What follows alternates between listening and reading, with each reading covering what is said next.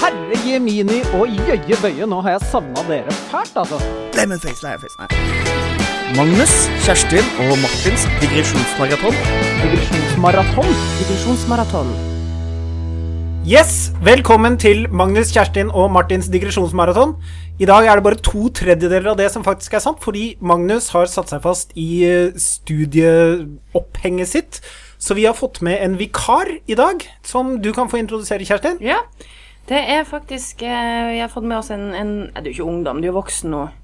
Min eh, tidligere elev, Henrik Jæver, eh, som eh, jeg hadde på en eh, ungdomsskole for Åh, hvor mange år siden blir det? Jeg tror det er syv år siden jeg begynte på ungdomsskolen. Ja. Mange, mange år siden i hvert fall. Blitt voksen nå, eh, og kan jo si litt om seg sjøl. Yes. Jeg heter Henrik. Jeg er 20 år. Studerer eh, lektorprogrammet ved Universitetet i Oslo. Og ellers så driver jeg med quiz og eh, liker musikk og henger med venner. Hvor du er quiz? Jeg holder quiz på Petrus ved Sofiemærparken hver onsdag klokken åtte. Og på Månefisken om sommeren. Og hver sommer på Kafé Månefisken. Ja, Det for der tror jeg faktisk det er en del av våre lyttere som eh, har vært i sommer. Ja. ja. Yes. Skal vi hoppe elegant videre til siden sist? Det slipper du, Henrik. Men eh, vi vil gjerne høre hva som har skjedd med deg siden sist, Kjerstin. Ja, det har skjedd verst, men jeg hadde Eller jeg har for øyeblikket et jakkemysterium som uh, frika meg ganske ut. Eh, jeg, det er litt sånn Det begynner for 15 år siden. Da kjøpte jeg en eh, vinterjakke i Tromsø som jeg ble svært, svært glad i. Den har jeg brukt i 15 år, eh, og tenkte i år at nå er den brukt opp. Den er revna i, under, i, sømmene under armene, og den eh, lommen har ikke noe fôr igjen, og ja begynner å bli litt trang, det skal jeg også innrømme. Så jeg tenkte sånn, ok, det er siste vinteren, det er bare sånn det er. Eh, tok den på meg i går, gikk på jobb og tenkte, jeg syns liksom den satt litt bedre enn den hadde gjort på lenge og sånne ting, og tenkte, ja, ja, men da har jeg vel eh, bare tilfeldigvis tatt av meg litt og sånt. Og putte hendene i lomma, og fòret er helt strøket. Får helt panikk, river av meg jakken, sjekker etter alle revnene, de er sydd og fiksa og ordna. Den er blitt eh, superfin. Og det er sånn der, du vet sånne øyeblikk der man bare står, man bare fryser og bare tenker og tenker. At hjernen jobber bare sånn ekstremt fort. Men det er den jakka, liksom. Det er min jakke. Det er den gamle jakka for 15 år siden. Så jeg går ut i gangen og kikker. Nei, det er ikke noe annet. Til slutt må jeg rive ned alle jakka som henger der, og bakom alt det så finner jeg da den gamle versjonen av den jakken. Så den er der, den også. Det viser seg da at den her nye versjonen som jeg hadde på meg nå i, i går og i dag, er en størrelse større. Så derfor er har ikke tallene. Eh, Den satt bedre. Men jeg har ikke funnet ut hvordan akkurat den samme type jakke Det er ikke en sånn jakke som har kommet på markedet flere år etterpå. Ja, ingenting sånn. Det eneste jeg nå har kommet frem som en slags logisk forklaring, kan være at min kjære samboer Elin på et eller annet slags vis har kommet over den her på Fretex eller et brukt marked eller noe sånt. Men det gir ikke noe mening at hun skulle kjøpt en jakke i large, for jeg er jo halvparten av det jeg i størrelse. Så den vil jo umulig passe henne. Og jeg vet ennå ikke hvordan i faen den der jakken har dukka opp. Men du har en jakkefe i huset eller noe Jeg har en jakkefe eller et eller annet, men min elskede jakke etter 15 år har f- bare, det har bare dukka opp en ny versjon. Som Men er, du- du- Fugl Føniks-jakke. Når den holdt på å dø, så bare kom den Ja! Nyen. Men hva hvis du har eksempel vært uh, hos noen, uh, og så skulle dratt hjem og så sett en jakke du tenker 'dette er jo min jakke', og dratt med den hjem? Kan det ha skjedd? ja, det kan Ja, det Har du mista noen jakker? Nei! Du mangler ingen jakker. Nei, for det er det. For da, da skulle jeg jo mangla. Da jo den, for det var det første jeg tenkte. Å, herregud. Kan jeg virkelig tilfeldigvis jakka Nei, men jeg tenkte sånn Litt shady forrige helg. Jeg husker ikke alt helt sånn i detalj um, den ene dagen. Men jeg tenkte jeg kanskje jeg da har sittet helt tilfeldigvis ved siden av noen som har identisk jakke. Samtidig er jo den oddsen ganske liten i og med at jeg kjøpte den på en sånn obskur butikk i, nei, i Tromsø for 15 år siden. Men jeg det kunne ha den. Men jeg har jo begge. Jeg har jo den gamle versjonen òg. Ja.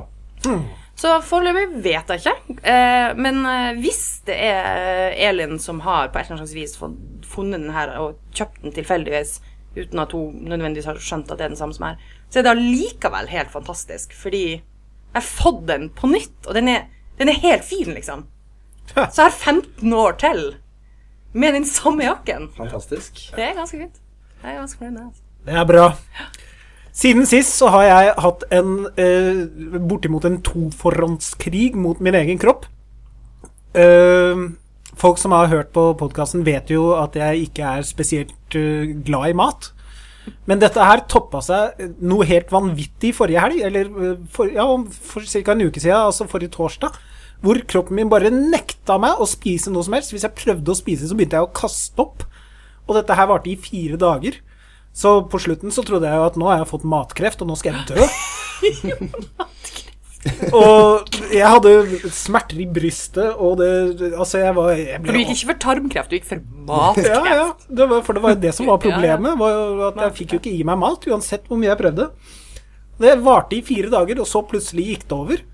Og for første gang på veldig lenge så spiste jeg hjertelig. Etter, etter den prøvelsen der. Du koser deg med mat. Ja, men det er jo helt vilt at sånt bare skjer ut av det blå, da. Plutselig så bare Ingen andre symptomer, liksom. Nei, ingenting. Var bare, altså, jeg ble jo slapp som faen, selvfølgelig, og fikk jo åndebesvær og i det hele Jeg har alltid, jeg har alltid tenkt at der, når man er fyllesyk Sånn ordentlig fyllesyk Ja, jeg var det- ikke det heller, skjønner du. Nei, nei, nei. Fire dager. Men da er jo det eneste som hjelper, er jo å få i seg kjøtt og fett og salt og, og mat. Ja, ja, jeg prøvde det- jo den metodikken Ja, ja. der. Jeg gikk jo ut og kjøpte alt av ønskemat, alt jeg vanligvis Ja, ja. liker, ikke sant. Det bare, bare overhodet gikk gikk så jobber kroppen imot det. Og jeg tenker hva er what's wrong kroppen? Altså, hva er, hva er greia med at kroppen ikke vil være med på det som er det beste for kroppen? Men jeg har litt delt opplevelse med akkurat det. Fordi eh, det har jo selvfølgelig skjedd at jeg har vært eh, fyllesyk og prøvd å spise at det bare kommer ut, ut igjen. Eh, men, men det har jo også skjedd at jeg har vært eh, fyllesyk og tenkt dette går aldri over, og livet mitt er ferdig, som man jo tenker innimellom. Eh, og så har jeg spist noe, og så har alt bare blitt bedre av det. Så det, jeg Ja. føler, det er ikke en fast greie at uh, kroppen jobber imot deg. Nei, ikke bestandig, men ofte gjør den det, syns jeg. Ja. Jeg synes den er Kroppen min er ikke spesielt vennlig innstilt til meg, tror jeg. Nei, den, den liker ikke deg. Nei, det er Du og kroppen din ja, mye, mye pøn med den jævla skrotten her, altså. Er det liksom bio biologien din? Er liksom sånn eh, Nei, biologi, jeg gjorde biogra noe- biografien, skulle jeg si. Jeg gjorde nok noe veldig Jeg slemt i mitt forrige liv, tror jeg, rett og slett. Mot kroppen din. Yes. My, oh my, what a wonderful day. Vi eh, må videre til temaet, og det er det du som står for i dag, Kjerstin. Uh, ja, Uh, jeg tenkte jo det at uh, siden jeg har vært læreren til Henrik på en skole i Oslo indre øst, og men han tilhører jo da Det kan vi jo få lov å si at du tilhører liksom kultureliten, som vi kaller det da. Um, er det lov å nevne hvem foreldrene dine er? Nei, det er ikke lov. Eh, Men en sånn halvkjente i hvert fall eh, far og en veldig, veldig fantastisk mor. Uh, og ja, tilhører jo liksom på en måte ikke den eh, sosialøkonomiske vermen, da. Eh, men har gått på skole i Oslo indre øst. Og nå jobber jeg jo med utelukkende kulturelitens barn. Eh, på, det er jo ikke på vestkanten, men det kan like gjerne vi kan kalle det på vestkanten. Så jeg har jo da opplevd eh, begge de, altså de to kontrastene. Og Henrik tar jo nå lektorutdanning for å bli lærer. Det stemmer. Og Martin, du har jo ei datter som har begynt på skole i år. Det er ikke grenser for hvor alt bare henger sammen Ja, med det er helt utrolig. Derfor tenkte jeg at eh, dagens tema kunne være eh, litt sånn øst mot vest. Eh, og at vi kan snakke litt om de store forskjellene som faktisk er da først og fremst i skolen, men det kan hende at vi havner ut på noen digresjoner, som vi pleier å gjøre. Eh, men at vi tar utgangspunkt i det. Og for å bare si litt sånn kort og godt, eh, så er det jo mange som lurer på hvorfor det er så store forskjeller mellom skolene i øst og vest. Fordi det, man skal jo liksom ha et Altså det skal jo være likt for alle. Man tenker jo at det økonomiske skolesystemet er likt. Og på en måte er det det. Eh, vi har noe som heter stykkprisfinansiering på elever i, i hvert fall i Oslo-skolen. Jeg regner med det i resten av landet òg. Ja, det vil jeg tro. Jeg tror det. Det må du forklare. Ja. Det vil si det at hver enkelt elev er verdt en sum. Eh, På ungdomsskolen så er det 47 800 kroner. Gjennom hele ungdomsskolen. Eh, ja, hvert år, altså. Hvert år, ok. Hvert år. Mm.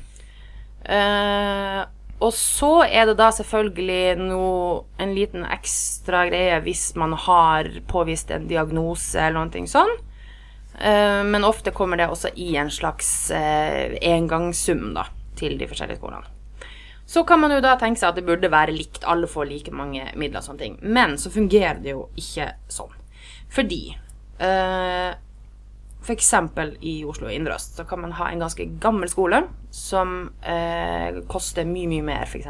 å varme opp eh, og vedlikeholde. Det er mye mer slitasje og sånne ting. Det er ofte igjen litt mer hærverk. Og hærverksbudsjettet er likt på alle skoler. Det er en fast sum til alle skoler, uavhengig av hvor skolen ligger henne, og hvor mye hærverk som utføres der. Eh, og da er det jo også litt sånn at gamle skoler koster mye mer å bytte ut eh, ting, fordi man må Kanskje er det verna eller noe sånn. Så knuser du ei rute på én skole, så kan det koste 25 000 å skifte. Og knuser du ei rute på en annen skole, så kan det koste 2500. Um, og litt sånne ting. Og så er det også gjerne det at uh, skoler i vest har en helt annen elevmasse uh, som krever mindre krever mindre generelt. Ikke sant? Har en, kanskje en, en greiere atferd, har veldig ressurssterke foreldre som kan stille opp med, på alt mulig slags uh, arrangementer og ting, og, og bidra med ting. Uh, eksempel så trengte vi en skolefane der jeg jobber nå. Og det koster jo en, eh, rundt 40 000, og det fikk vi liksom bare litt her. Og det ordna seg, liksom. Det bare ramla inn noe penger. Noen donerte 10 000, og noen ikke sant? Det er sånn forskjellig. Det ville jo aldri skjedd på den skolen som Henrik har gått på. Um, så er det sånn at de skolene da på østkanten som gjerne da sliter litt økonomisk, der er det jo også sånn hvis du har et underskudd, så følger det året etterpå. Så har du gått i underskudd et år, så følger det med til neste år. Rektorer står med kniven på strupen, eh, økonomikniven på strupen. Hvis de ikke klarer å eh, få det til å gå rundt og sånn, så kan de rett og slett bare miste jobben. Så de er veldig pressa til å levere gode økonomiske eh, resultater. Og da er det gjerne kjapt å kutte ned på f.eks.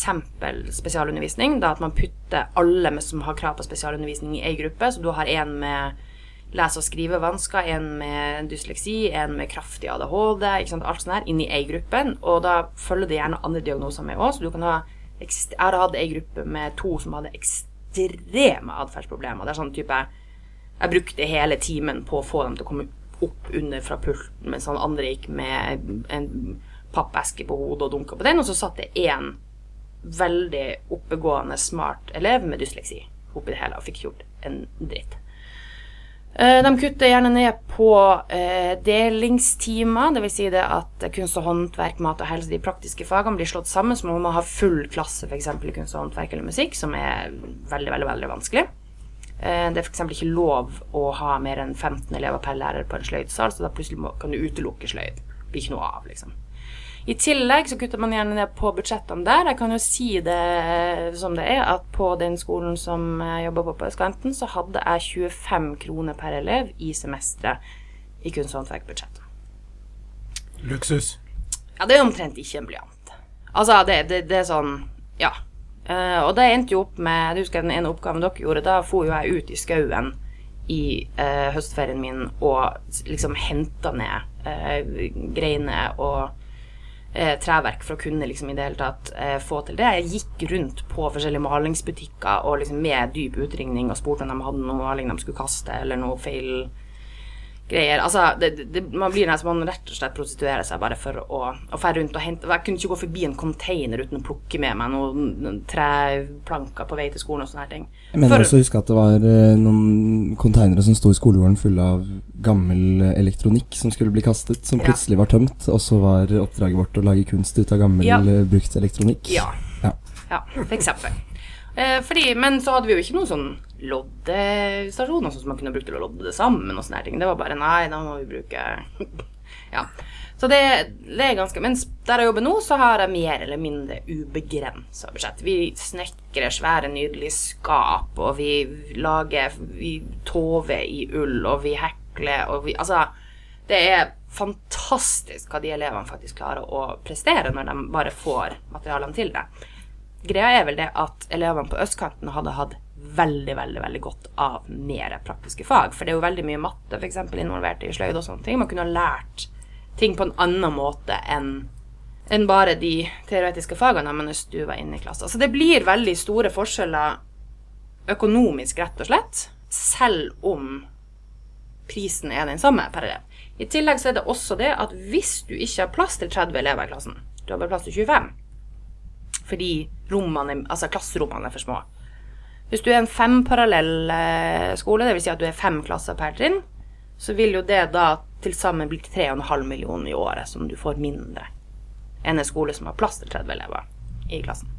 Eh, på østkanten er det også gjerne litt sånn at de ressurssterke foreldrene har en tendens til å etter hvert ta ut ungene sine og bytte skole, eller man flytter kanskje til finere strøk og noe sånt, sånn at, at det er fra Altså det er mye, det er mye mer sånn, eh, hva skal jeg si, uregelmessig Så økonomien går veldig opp og ned. For med en gang en elev blir tatt ut av skolen, så forsvinner de pengene også, liksom. Så det er da hovedårsaken til det er sånn. Og så er spørsmålet hva i alle dager kan man gjøre med det? Det høres jo rart ut. Altså, det høres jo ut som man har lagt seg på en linje hvor, hvor eh, hvor man kjører en slags form for likhet som ender ut i st større forskjeller til slutt. da. Og da må man jo finne ut av hvordan det skjer. Du, altså, for eksempel så syns jeg jo det er eh, et beløp til hærverk uansett Ja, hva som skjer. Det høres jo helt fjernt ut. Hærverk er jo sånn man må påkoste seg etter hvert som det skjer, Ja. tenker jeg. I min enfoldighet. Men eh, ja. Ehm, jeg tenker at uh, dette er en konsekvens at det er veldig lett for uh, politikere å si f.eks. ja, vi har noe som heter stykkprisfinansiering, som vil si at hver elev er verdt så mye, så alle skolene får penger etter behov. Og for en utenforstående som ikke har noe med dette å gjøre, så høres jo det helt riktig ut. Hvis hver elev er verdt 46 000, og alle skoler får 46 000 per elev, så, så er jo det, Det så er det like ut. Det høres ut som en perfekt ordning. ja, ja. ja. Så man må eh, få dette altså, forklart eh, fra noen som er på innsiden, da. Og det er jo ikke sånn at f.eks. en eh, finansmann gidder å høre på en eh, ungdomsskolelærer eh, med tanke på hva han skal stemme, eller hva han syns er viktige saker i samfunnet. Nei. Så jeg tror problemet ligger der, rett og slett. At Altså, ja, det ligger jo igjen egentlig litt sånn som vi lærer alltid mase om, at folk ikke vet hvordan det er å være Altså, folk tror de vet hvordan det er å være lærer fordi alle har gått på skole, Ja. og så gjør man jo ikke det. Jeg tror ikke jeg er lege fordi jeg har vært hos fastlegen uh, mange ganger. Altså, men, men av en eller annen grunn så er det litt sånn. Og det, det, er som du sier, at det, det er jo vanskelig å forstå. Uh, og, og en annen ting er jo også det at det jeg oppdaga da jeg begynte å jobbe eh, liksom, i vest, da, er jo at nå går jeg jo plutselig hjem tre-fire timer tidligere. Altså, jeg går ikke hjem klokka to, sånn som folk tror jeg gjør. Men en, altså, på, på østkanten så satt jeg på jobb til langt, langt på kveld hver jævla dag, og var helt utslitt når jeg kom hjem. Det var barnevernsmøter, det var jo veldig mye mer av sånne ting. Det var rap eh, rapporter. Det var veldig ustabil arbeidsdag, fordi jeg hadde jo faktisk kjæreste på, på den tida. Og han var, hadde veldig oppheng i å vite klokkeslett på ting og sånn. Han var litt sånn der kontrollfrik. Analretentiv kjæreste. Ja. Eh, så han var sånn Når kommer du hjem fra jobb? spurte han meg hver dag. Og jeg sa sånn Jeg kan ikke svare på det spørsmålet noensinne så lenge jeg jobber her. Fordi jeg kunne tro klokka halv tre at jeg kom til å gå hjem klokka fire. Men så klokka ti over tre så kom det en annen der og sa sånn Ja, nå har din elev eh, vært involvert i det og det, det, bla, bla, bla, og her er en rapport på det, og shit, da måtte jeg skrive inn, da måtte jeg inn i møte med noen sosiallærere, og så måtte vi ringe hjem, og så plutselig så var klokka sju, ikke sant. Uh, og sånn er det jo ikke nå. Nå går jeg jo hjem uh, Jeg har aldri noen møter utover noe sånn uforutsigbart. Det er utrolig sjeldent. Og jeg sover jo mye mer om natta. Jeg sitter jo ikke hjemme og har vondt i hjertet og magen for at jeg ikke vet hva som skjer med elevene mine, og bekymrer meg for ja, alle de tingene man ikke får gjort noe med. Eh, og, og barnevernet fungerer jo i varierende grad rundt omkring. Vi fikk faktisk på et tidspunkt beskjed en gang at vi hadde meldt inn for mange saker et år, så vi fikk ikke lov til å melde inn flere det året. da vi måtte spørre sånn Er det kvote på hvor mange barn Og vi, vi var, det er ikke sånn at vi meldte inn uten at det var grunn, altså. Det skal jeg love deg. Eh, da anmeldte jo faktisk eh, rektor barnevernet. Ja, det håper Ja, jeg, da. ja da, ja da, hun var heldigvis veldig streng på det. Men, men det var helt sånn vilt å si, altså. Og, og, og de var sånn Ja, men vi klarer ikke å ta unna mer, og det er ikke noe Så det de gjorde, at de handla jo bare saker hvert år, og vi meldte inn på nytt. Og vi, vi hadde elever som vi har meldt inn hvert år i ti år. Det er jo en 1-10-skole jeg jobber på. Det ble aldri gjort noen ting. Og det er sånne ting Det er vanskelig å leve med, altså. Du har det jo på samvittigheten din. Men hva er det som gjør at det er så mye altså Det høres jo ut som det er større sosiale utfordringer da, Det er det det er. på østkanten.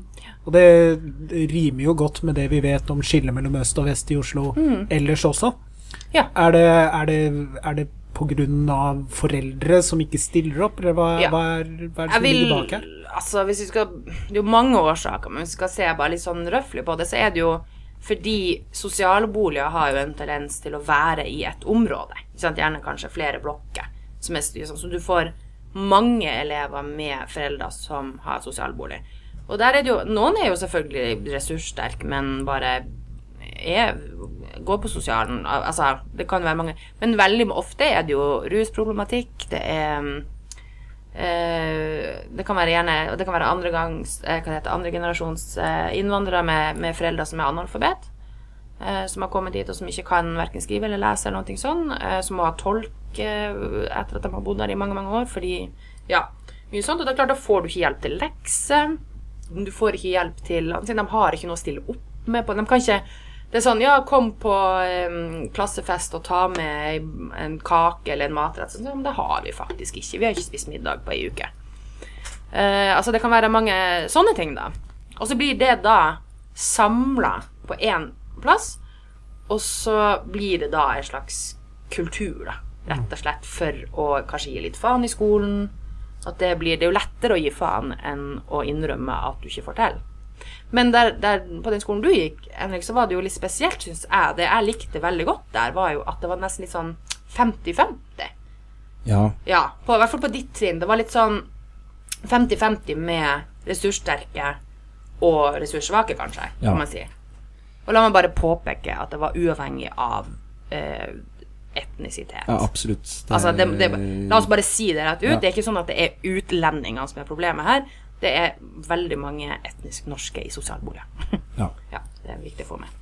Men eh, ja, det, det, det var jo som du sier 50-50, men eh, det var aldri noen kultur Eller det var et eh, sterkt fåtall eh, der det var på en måte kult å være den som fikk bra på matteprøven, eller at eh, Og det har jo også noe å si, altså kulturen som danner seg blant barna, at du, da jeg begynte på videregående, f.eks., begynte jeg på en, eh, en veldig god videregående i Oslo. Eh, og da var det plutselig at alle spurte hva fikk du på prøven. Det var bra å være den som gjorde det bra. Da. Det Ja. var liksom litt kult. Sånn var det jo aldri på ungdomsskolen. eh. Nei, hvordan opplevde du det? For du var jo Du har jo alltid vært veldig smart. Du har gjort det veldig bra.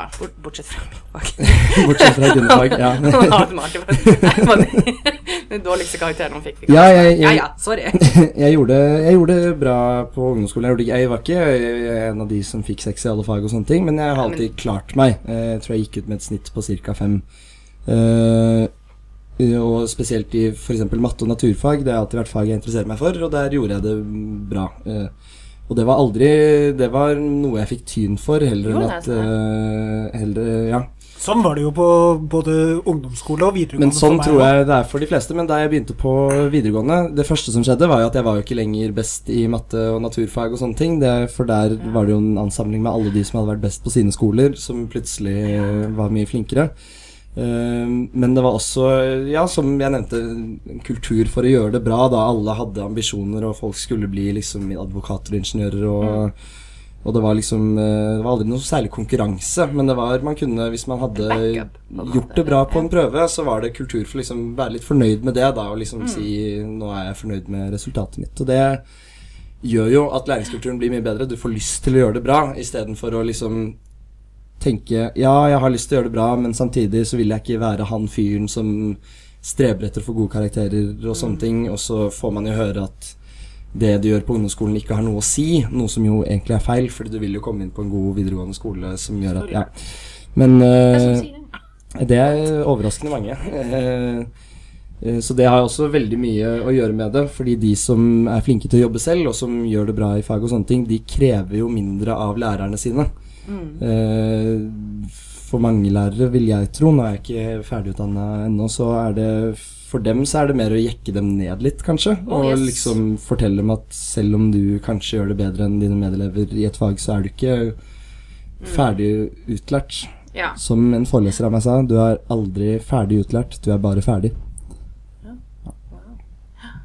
Nei, eh, der jeg jobber nå, så er det stikk motsatt. Ja. Der er det ekstrem kultur. Der er det, der gjelder det å prestere. Og, og der eh, holder du kjeft hvis du får noe under fire, liksom. Så, Såpass, ja. ja.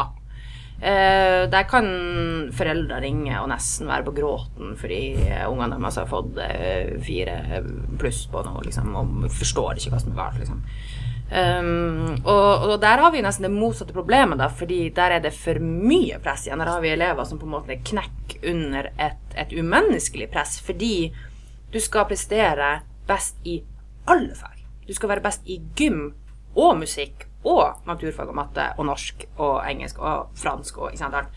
Og det er jo ikke logisk, for det, ja, det er ikke sånn det fungerer. Det er ikke sånn vi mennesker er satt sammen. Men um, Så det, det også er jo faktisk et viktig poeng, ikke sant. Og når, når du har så mange, sånn som i, i mitt tilfelle, så mange hva skal jeg si, strebere, da, så gjør du det jobben min så mye lettere òg, fordi de er så sjøldreven. De har indre, et indre driv, da, for å gjøre det bra. Sånn at de jobber godt på egen hånd. De går som sett etter skoletid. De, de, altså de, de sender mailer på kveldene fordi de bare Å, shit, liksom. Jeg tror ikke jeg har forstått den oppgaven helt. Altså bare slapp Altså, vi er mer sånn som setter på foreldresamtaler og sier sånn Vi må roe ned litt nå, så må vi få lov å være litt ungdom, og liksom Det er lov å være Ja. Så, så det også er jo et veldig godt poeng. Og jeg tenker at grunnen til at det liksom er coolt å gjøre det dårlig på, i mange miljøer på, på østkanten, handler jo om at hvis du La oss si at du har det litt, litt traurig hjemme, da. Du føler at du mangler en del ting, eh, om det er noe økonomisk og sånne ting, eller hva det nå er. Um, og du sliter på skolen, du får ikke til fagene og sånne ting, fordi, og du får ikke noe hjelp hjemme, sånn, så det er jo lettere å si ja, men jeg har ikke lyst til å få det til. Lage en unnskyldning ja. for deg selv. Ja, altså, jeg driter i skolen. Det er jeg som velger å gjøre det dårlig. Ja. Det er ikke, det er ikke Altså, jeg Det der er jo det helt naturlig. Altså, sånn, Ja. sånn, jeg skjønte jo ikke matte på videregående, så jeg meldte meg bare ut. Ja. Og det Jeg hadde tror jeg er en veldig vanlig En- strategi. Ja, jeg hadde en veldig fin opplevelse for min egen del. Da jeg hadde en spesialklasse på den eh, Oslo-høgskolen på eh, syv elever. Det er også kanskje ikke helt lov, det vi gjorde der, da, men da ble de plukka ut da, fra trinnet sitt og stua ned i kjelleren. Eh, og jeg ble ansatt da. Jeg var helt uh, nyutdanna kunst- og håndverklærer. Jeg har kun det faget i utdannelsen min. Fire år med kunst og håndverk. Og bare sånn Hold på dem her nede. Hvis du klarer å lære dem noe, så er det supert. Men først og fremst bare hold på dem. Det er ingen lærere som orker dem lenger. Det er ingen elever som orker dem lenger. Bare vær med dem i et halvt år. Ja, det var ganske Det var drøyt. Det var veldig sterkt. Ble helt uh, oppgitt av Ja, systemet. det var helt fint. De var, alle hadde bare gitt dem opp. De bare orka ikke mer, liksom. Og der var det jo sånn at det føyk bord og stoler veggimellom, og, og det var jo veldig vanskelig å skulle få til noe læring i det hele tatt. Vi fikk det til, da, til slutt. Eh, ja da.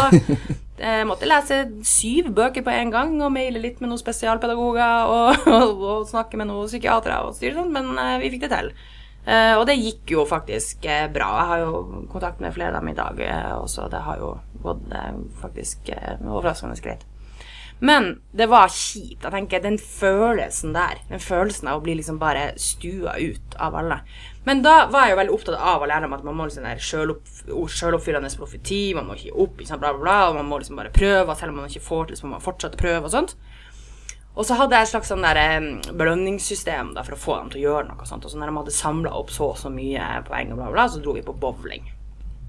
Ja da, vi dro og bowla. Og jeg kan jo ikke bowle, da, tydeligvis.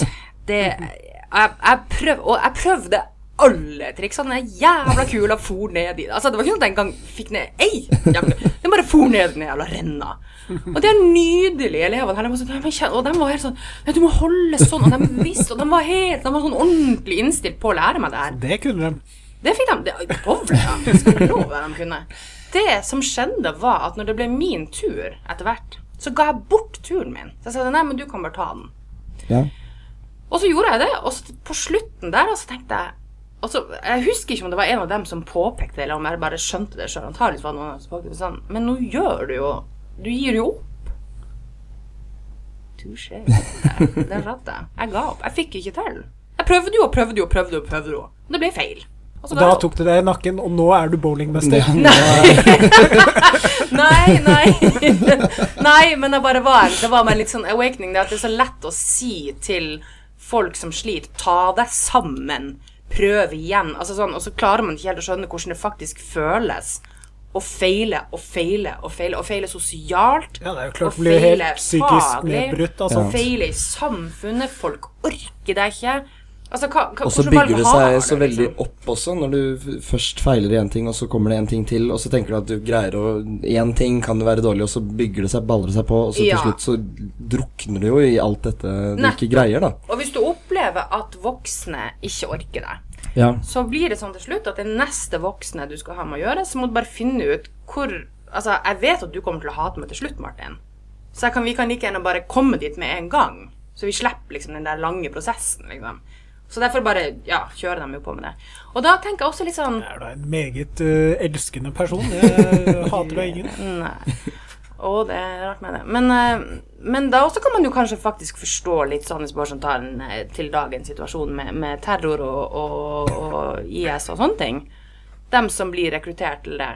Hvis du da går etter sånne personer som har feila og feila, de føler seg fullstendig ute av samfunnet, de har ingenting, de får ikke til noe på noen eh, områder, noe sånt, så kommer det noen og sier sånn du får penger, du får berømmelse, du får status, du får alt mulig rart. Husker jo det der fra nazimiljøene på Ja. 90-tallet.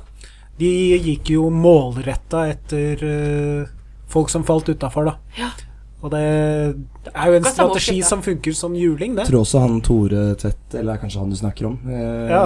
Vigrid-mannen, at han har har vært flink til å ta tak i de som ikke har blitt sett ellers i livet, og I aller høyeste grad. Men også faktisk eh, satanistmiljøet, som jo var ganske stort på 90-tallet. Det satt jo jeg med ganske mye. Det var jo òg typisk, liksom Dem som er utafor og alt, og så får du plutselig en mulighet til at hvis du blir med oss, så kan vi heve oss over alle de her idiotene. Så kan vi være de som Og det er også litt de der kommentarfeltgærningene. absolutt ikke bare litt. Mm, de som er. Det er toppkommentator, liksom. Den Ja. statusen er jo Det høres jo ut som Vi er de eneste ja. som har forstått. Ja, ikke sant? Og det er jo det Hva de tror. Det, det er jeg helt overbevist om. At de faktisk tror at de er de eneste som har forstått hva som skjer i verden i dag. De vet som, det, altså. Ja. Jeg En de besnærende tanke, ikke sant? og det er jo akkurat det som skjedde i Tyskland perioden Ja. 1918 til 1945. Altså Mm. En mann som tok tak i folk og sa hei, vi eh, trenger ikke være taperne her, vi kan heve oss over det. Ja. Og vi husker alle hva som skjedde der. Det er rart med det. Men det Men at, at Og det er jo det, sikkert derfor også det kan skje gang på gang på gang på det. Altså at det kan få lov å gjenta seg. Så man sier sånn Jo, men kjenner du ikke til historie og alt det der? Sånn, Er jo, det dette man kaller for fremmedgjøring? Tror det er det man kaller for det er vel kanskje det man kaller for det. Ja. Ja. Altså når, når du først faller utafor, så er det så lett å falle videre, rett og slett. Mm. Ja. Skumle greier, altså. Det er det. Og spørsmålet er jo da hvordan kan man Jeg tenker jo at i, i, med dagens situasjon så er det nesten sånn ekstra viktig å finne en eller annen løsning på øst- og vest-problematikken som faktisk er da. Fordi hvis man kan nå ut til at, at østkantskolene kan få et løft, da. Eh, og da trenger de faktisk masse mer penger enn Ja. vestkantskolene. Det er bare sånn det er. Ja, det høres jo ut som det er konklusjonen. Altså at man må rett og slett inn og subsidiere østkantskolene for å, for å deale med de Og, men ekstra dem- og vi har Det verste av alt, for å være helt ærlig jeg kan, altså, Lærerne mine hadde sikkert bitch-slappet meg hvis jeg hadde sagt det her høyt, men vi, vi, ja, men vi kan faktisk gi fra. Vi, vi har overskudd. Vi har for mye penger. Vi får ikke brukt det opp. Æresord. Jeg opplevde en gang et uh, slags sånn kulturclash. for jeg, uh, jeg har vært innom de fleste idretter som de fleste andre. Jeg har gått på både klatring og fotball og alt sånn, og endte til slutt opp på volleyball.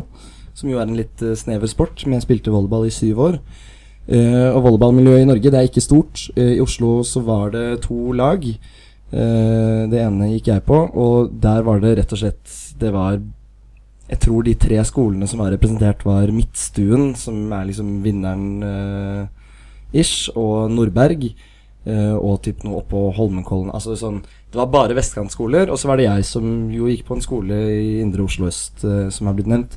Eh, eh, og dette var før jeg hadde noe særlig perspektiv på dette øst-vest. Jeg visste liksom at det var øst og vest, at i vest så var de rike sosser, og i øst så var vi kule tøffinger.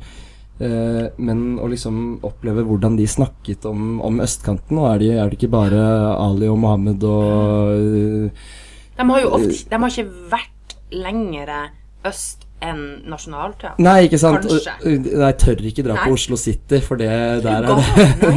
Det husker jeg faktisk at jeg gikk jo på en vestkantskole eh, når jeg gikk på ungdomsskolen, og jeg husker en av disse uh, gutta i gantjakke, som var det store sossesymbolet på den tida, sa at han turte ikke dra lenger øst enn eh, Arkaden, for da kom noen og stjal jakka hans. For eksempel. Eller bare voldtar han, eller et eller annet. Jeg var og kjøpt, skulle handle inn til eh, skoleball med elevene mine. Og da eh, ville Var det da jeg var leder for ballkomiteen? Nei. De rike elevene eller de fattige elevene? Nei, de, de, de hvite, rike elevene. Ja. Eh, og da skulle de ha mye sånn lyslenke og noe blomster og greier. Det skulle være sånn, sånn lys- og blomstertema. Så jeg bare ja, ja, men herregud, da drar vi jo på Grønland. Liksom. Det er jo masse sånne her kule sjapper og sånne her ting. Og de ble liksom enda bleikere enn dem. Og liksom bare Hæ? Så jeg bare Ja, vi kan bare, vi bare liksom, stikke ned dit og ah, Det her har faktisk aldri vært. De hadde aldri vært der. Jeg mener, de har de, da bodd 14 år i Oslo. De har aldri vært på Grønland. Nei. Ever. Men det var faktisk akkurat det jeg hadde tenkt å ta opp, fordi eh, det var juletider.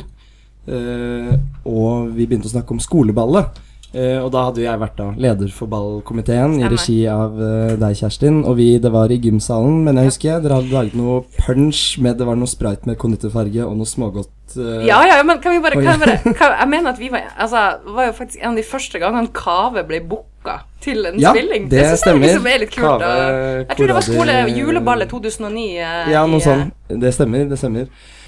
Og da Så vi snakket om, eh, om liksom juleballet på ungdomsskole, da. Og juleball på ungdomsskole bør jo ikke være noe stort i seg selv. Og så uh, var det han ene da han gikk på uh, Ja, det er ikke så viktig hvor han gikk. Men han, han sa åh, juleballet vårt var så ræva. Uh, hvorfor det? Nei, det var så dårlig fra lokalets side. Lokalets side Nei, altså, vi var jo på Valmanns salonger, da. og jeg Nei. Hæ? Valmanns salonger? Det koster jo Jeg tror det koster liksom 700 kroner per hode å dra på Valmannssalonger. Oh vi hadde Vi skulle lage ball for eh, 8., 9. og 10., og vi hadde vel et budsjett på ca. 2000 kroner for hele Ja, ja, men husker du hvor vi fikk de 2000 kronene fra?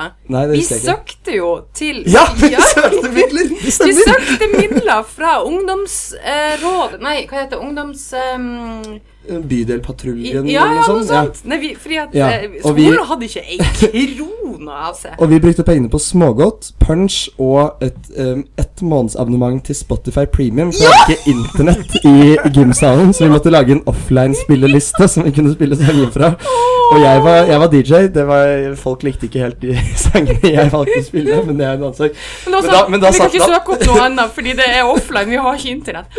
Det Og da satt jeg der så jeg var 15 år, og eh, du klager på juleballet ditt fordi jeg tror han, det var et eller annet med at det var dårlig mat de hadde fått Ja. servert på Valmanns salonger. Var sånn Men det verste da, det, synes det verste Vi hadde en dritbra ball. Det var kjempefint. Ja, vi hadde det kjempehyggelig. Ja, og vi hadde jo og det, det som var veldig viktig, var at vi kunne ikke ta noe Vi kunne ikke ta noe billett. Sånn som oppe hos oss, så, så ta, koster det jo penger å være med på juleballet. Ja. Koster, ja.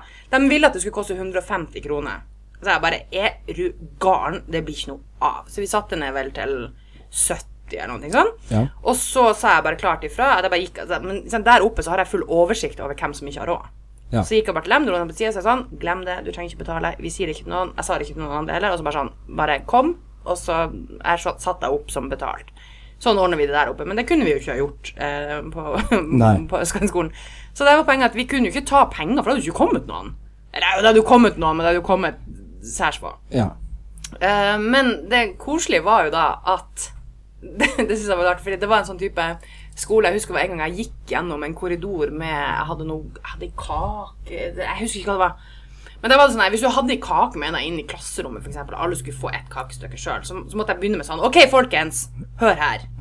Det er ett kakestykke til hver. Her. De er like store.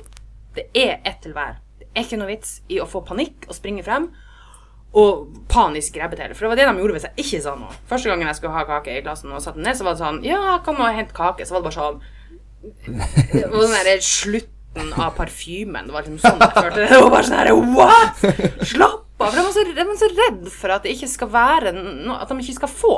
Altså, det er en sånn iboende følelse. Men på det juleballet var det jo gratis smågodt. Sto overalt, da. Ja. Og da husker jeg at de var så søte. De kom, for det er noe med når de her litt sånne skurkene kommer i dress og har ordna seg, og det er litt fint, og det er gratis ting, så blir de sånn kan jeg, ta, kan jeg ta en smågodt til, Kjersti? Men, men kjære, du kan ta så mye du vil. Du bare spiser dem. Kan jeg? Og det var sånn, å, masse smågodt igjen, Også. Jeg husker det hjertet mitt, det bare Det brista den kvelden der. Jeg var bare helt sånn Jeg var så glad. Nei, Det var, jeg syns det var så fint.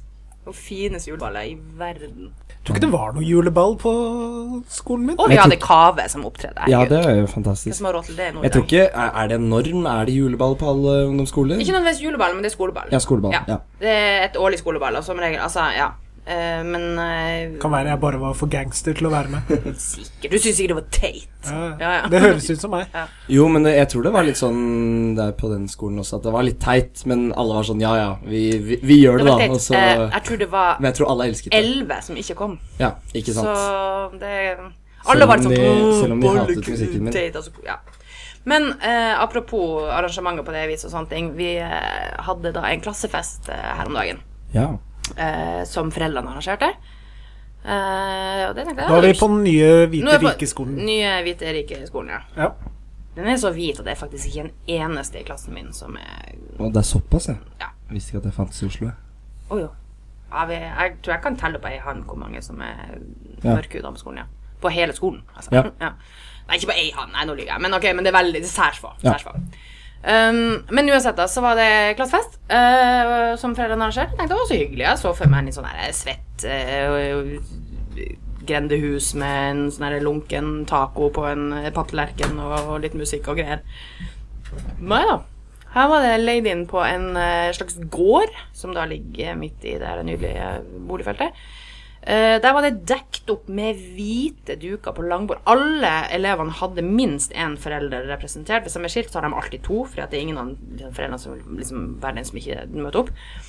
Um, det var dekt på med ordentlig altså, porselensservise med gullkant. I kid you not. Uh, bordpynten hadde han ene faren laga av Han var noe sånn herre eh, vedkubbe som han hadde bora hull i og vært og plukka eh, blåbærlyng i skauen og satt opp noen sånne svære, nydelige kvister. Sånn han sydd eh, hva det kan ha vært, kanskje 50 meter eller noe sånt. Eh, klept ut noen sånne geometriske figurer som han hadde sydd i sånn lang lenke som hang liksom fra grein til grein bortover de her eh, bordene og i det hele tatt. Eh, og så var det et koltbord, da. Altså alle skulle ta med seg en rett hver. Jeg har aldri spist et sånt koldtbord i mitt liv. Ikke engang hvis du går på den mest fancy restauranten i Oslo, får et sånt koldtbord fordi jeg tenker at alle skulle overgå hverandre. Skjønner du? Ja. Så det var så god mat at jeg tenkte sånn Det her, går, det her får du ikke i, i, på restaurant engang. Liksom. Nei. Eh, og så var det loddsalg. Da skulle man ta med seg en ting som kosta rundt 50 kroner. Uh, men, men folk vant jo sånn Chanel-såpe og sånne ting. Koster ikke 50 spenn, de har sikkert fått det, ikke sant? Sånn, ja, da gir vi den der Chanel Og det var helt sånn Og så fikk de inn så mye penger på det her loddsalget at de spurte om vi de, Det skal jo gå til klassetur da i sa sånn, men vi trenger ikke alle de pengene her til det. Vi har så mye. Er det noe dere har lyst til å gjøre med klassen som koster litt penger og sånt? Og klart, jeg, vi, satt, vi satt jo bare og var sånn øh, ja, Kino hadde jo vært hyggelig. Det hadde vært koselig å gå på kino med klassen. Det har jeg jo aldri fått gjort før. Eh, Det koster jo for mye penger. Ja, men så fint, da får dere gå på kino. Det er ikke noe sånn, da tar vi det opp i FAU. Nei, nei, det var bare sånn, ja, greit, da får dere det. Ja vel, ok. Ja, eh, og så tenkte jeg da, herregud, hvis elevene på østkanten hadde visst om det her, så hadde det blitt riots in the streets, altså. De hadde begynt å fyre på ting og sendt gjennom gata. Altså, det hadde blitt Det er så urettferdig. Ja, men det er jo det. Det Det er er skikkelig, urettferdig. skikkelig urettferdig, på en måte. Ja. Og så, så kan man si sånn Jo, jo, men det her er jo folk som har jobba seg opp og har penger. bla, Sånn. Jo, men Dummeste argumentet i verden. Ja, det er egentlig det, fordi Ja vel, men da kanskje kan østkantskolene få litt mer penger, så de også har råd til å ha klassefest med god mat. Ja. Og Da kunne alle foreldrene ha fått 100 kroner hver til å lage mat, for jeg skal love det.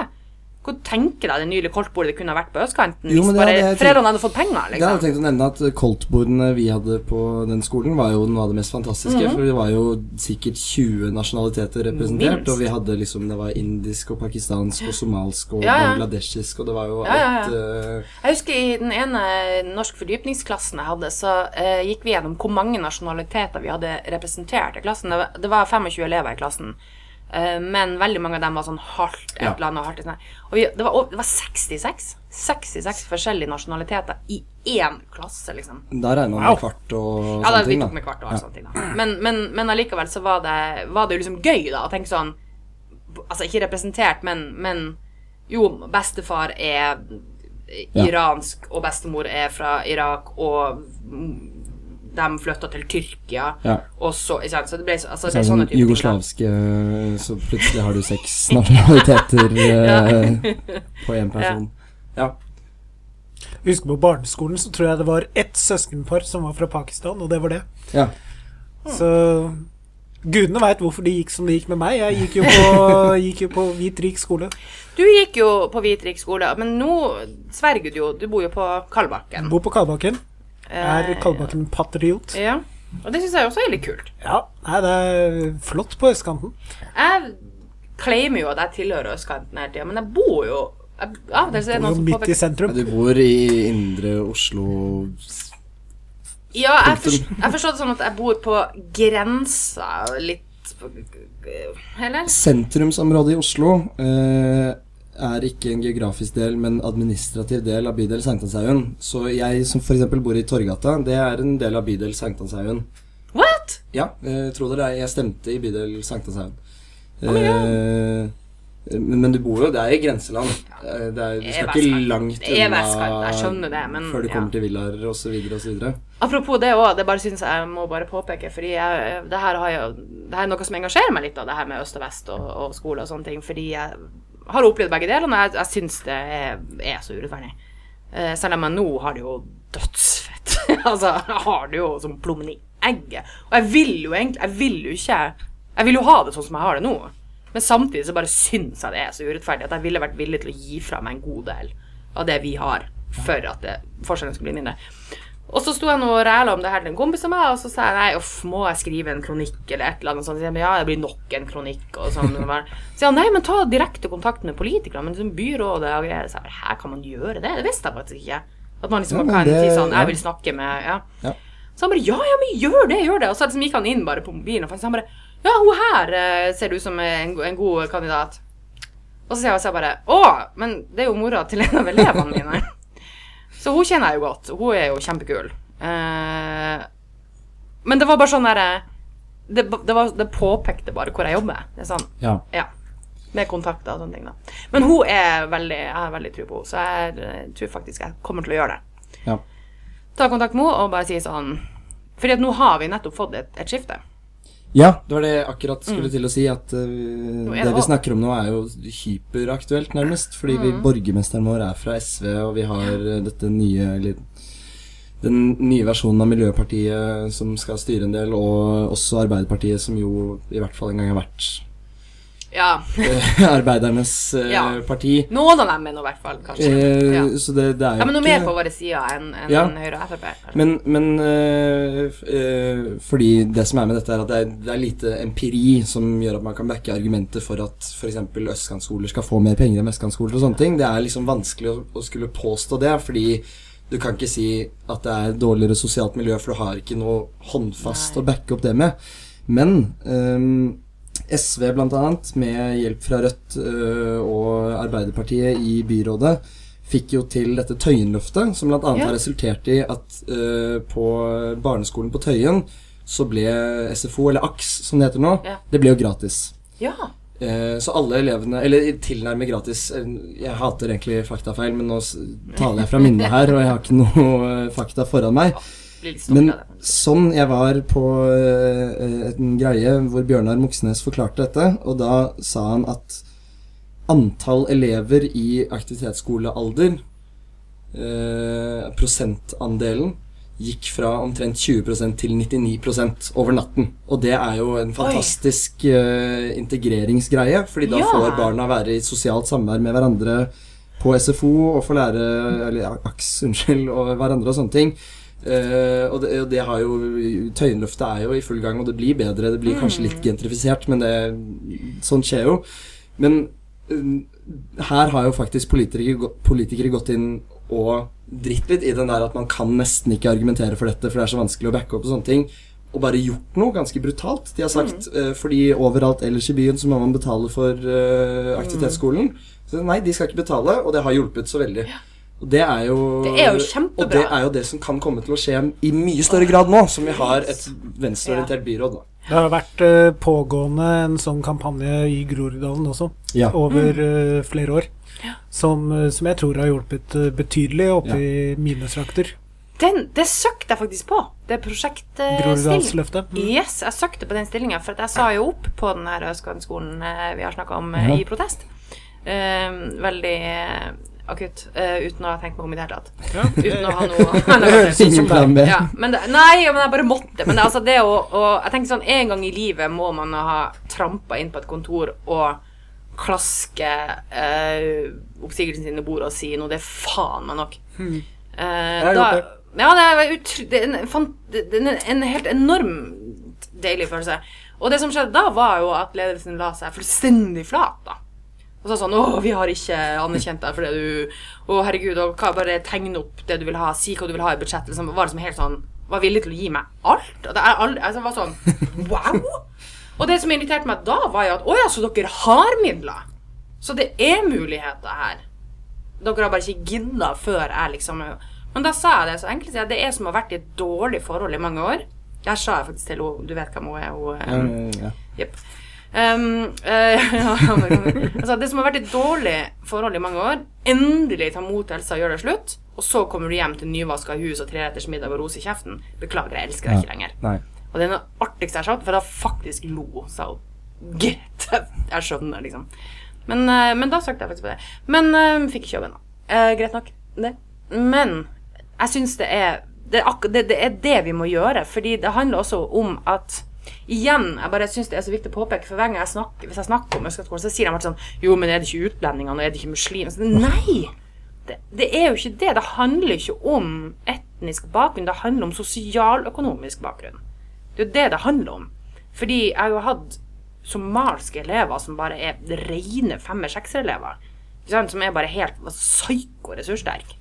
Og som møter opp på alle foreldremøtene. Og som sier, altså, det er jo masse, altså, det er masse, masse og, og, og Altså, vi, jo, vi vet jo om altså, pakistanske jenter topper jo liksom på legestudio. Altså, det, vi, det er jo ikke det det er snakk om. Det er bare snakk om at enkelte kommer med ingenting. Altså, jeg hadde elever som har kommet når de er elleve år, kommet til Norge fra bygda i Somalia. Har aldri klipt med saks. Ikke sant? Hvordan skal du klare deg i kunst og håndverk eller sånne type fag hvis du aldri har klippet Vi har klippet med saks siden vi var skal jeg ikke, tre. Jeg kan, jeg kan uh, ærlig innrømme at jeg husker ikke første gang jeg klippet med en seks. det. Vi husker jo heller ikke første gang vi skrev eller leste. Vi husker jo ikke de tingene, for det er en selvfølge for oss. Men hun, aldri ha Hun hadde aldri hatt sin egen blyant. Hun kunne ikke skrive, hun kunne ikke lese, hun kunne ingenting. Så skal du lære deg et nytt språk. Du får ti måneder. Du får ti måneder i mottak på å lære deg språket. Men så kan du ikke lese og skrive. Ja, oi. Ja, da tar det kanskje litt lengre tid. Kan du søke om to måneder eller noe sånt, tror jeg. Så blir du satt inn på ditt alderstrinn i klasse. Så skal du bare klare det.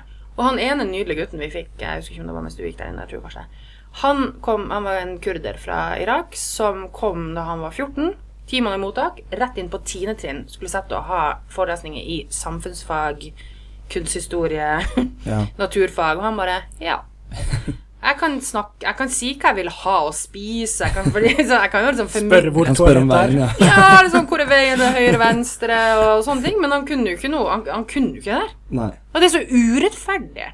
Altså, vi skaper jo tapere som på en måte ikke trenger å være tapere. Ikke sant. Og så sitter noen på toppen og tenker at dette angår ikke en selv, og da er det veldig lett å skuffe problemer øh, vekk. Ja. Eller hva Og man nå sier. får vi jo en kjempeproblematikk med det med den flyktningstrømmen vi har fått nå. Hvis alle dem skal bare få ti måneder i mottak ikke sant? på alle de forskjellige artene, og så skal de inn på sitt, så får vi jo får vi i hvert fall tapere. Men jeg mener å ha lest eh, at du faktisk, Kjerstin, har skrevet eh, din opplevelse av alle bosnierne som kom til Norge i 1993. Det. At det var et ekstremt vellykket Ja. integreringsprosjekt. At Det det. de i dag er det. Eh, og det har noe 13 med at 000 tok vi imot. 13 000, og Ja. de ble spredt utover i hele landet. Hele landet. sånn? Hele Alle landet, fikk ja. en bosnier i klassen. Alle. Vi fikk Igor. Han var dritkul. Ja, ikke sant. Og det, det, er det som må til. Det er det som er til. Samtidig så går Siv Jensen ut og oppfordrer kommuner til å si at de Mhm. ikke vil ha Men, men, men Jeg vet ikke om det var det som gjorde at det ordna seg. Eh, Det er vel flere ting. Det ene er Når jeg, når jeg drar frem det eksempelet, så sier folk sånn Ja, ja, ja, men uh, muslim, sånn, De var muslimer. Ja. 13 000 av dem var muslimer. Det er bosniakker. De er muslimer. Eh, Men vi var ikke redd for muslimer da. Nei. Vi, Det var ikke skummelt på den det var ikke skummelt på den tida. Og de er jo veldig sånn muslim light, da. Altså, de er jo sånn muslimer som at besteforeldrene mine påstår at de er kristne, men ja Bannes i andre setning. Men, eh, men vi spredde dem veldig, og alle fikk liksom én eller to, eller altså eh, Overalt. Og vi var jo også veldig vennlig Vi var vel mer vennlig innstilt til det, vil jeg tro. Men det har vært et suksessprosjekt. Altså, der er um, Ungene deres nå i dag er, er høyt, altså, høyt utdanna. Det er veldig lite arbeidsledighet. Det er, altså De aller fleste av dem er i, i arbeid på et slags vis. Og når vi snakker om det her, hva det skal koste med de flyktningene vi får, så snakker vi hele tida om at ingen av dem er i arbeid. Det er jo, det er jo, det er jo, Dette er jo the det er best best and brightest. Altså det er disse Det er, Det jo syre, da. Ja, det er de mest opplyste som Ja. vil flykte fra dette drittgreiene. Uh, Disse folka som ikke har skjønt verdens gang. Det er de som kommer hit. Ja. Det, det, er, det er snakk om må- leger og lærere og advokater. Uh, Og ikke alle, selvfølgelig, men, men, Nei. Men så er jo problemet men det er folk folk som har lyst til å, å, å rømme fra den kulturen vi er så redd for, da. Ja. Nettopp. Og, og vi har jo gjort det. Vi har jo fått til det her før, så det er jo ikke noe problem å få det til igjen. Nå er det en større antall da, som kommer nå. Ja. Det er sant. Men allikevel så er det kanskje noe Kanskje må vi se litt på det her eh, utdanningssystemet Altså det her hva vi krever, for at utdanningssystemene er jo ikke like i Syria og Norge. Nei. Og det er jo det som ofte er problemet, det at når de kommer hit, så er det sånn Jeg er egentlig lege der jeg kommer fra, men doktorgraden min fungerer ikke i Norge fordi den er annerledes, og jeg må et eller annet bla, bla, bla. Så må de nesten ta hele jævla utdannelsen på nytt, liksom. Eh, men at vi må kunne se igjennom en del sånne ting, og faktisk bare ansette dem til det de kan. Det er jo- masse ressurser vi får inn her. Det er masse arbeidsplasser. Ja. Og, det, og også vil de De er jo Altså, si markedsøkonomien, ja. Vi må Ok. Men uansett, jeg tror vi skal runde av Ja. på akkurat det. Og så har vi jo selvfølgelig fått en del fantastiske spørsmål fra våre nydelige lyttere. Det har vi. Plenty of sunshine heading my way. Zippity-doo-dah, zippity-yay.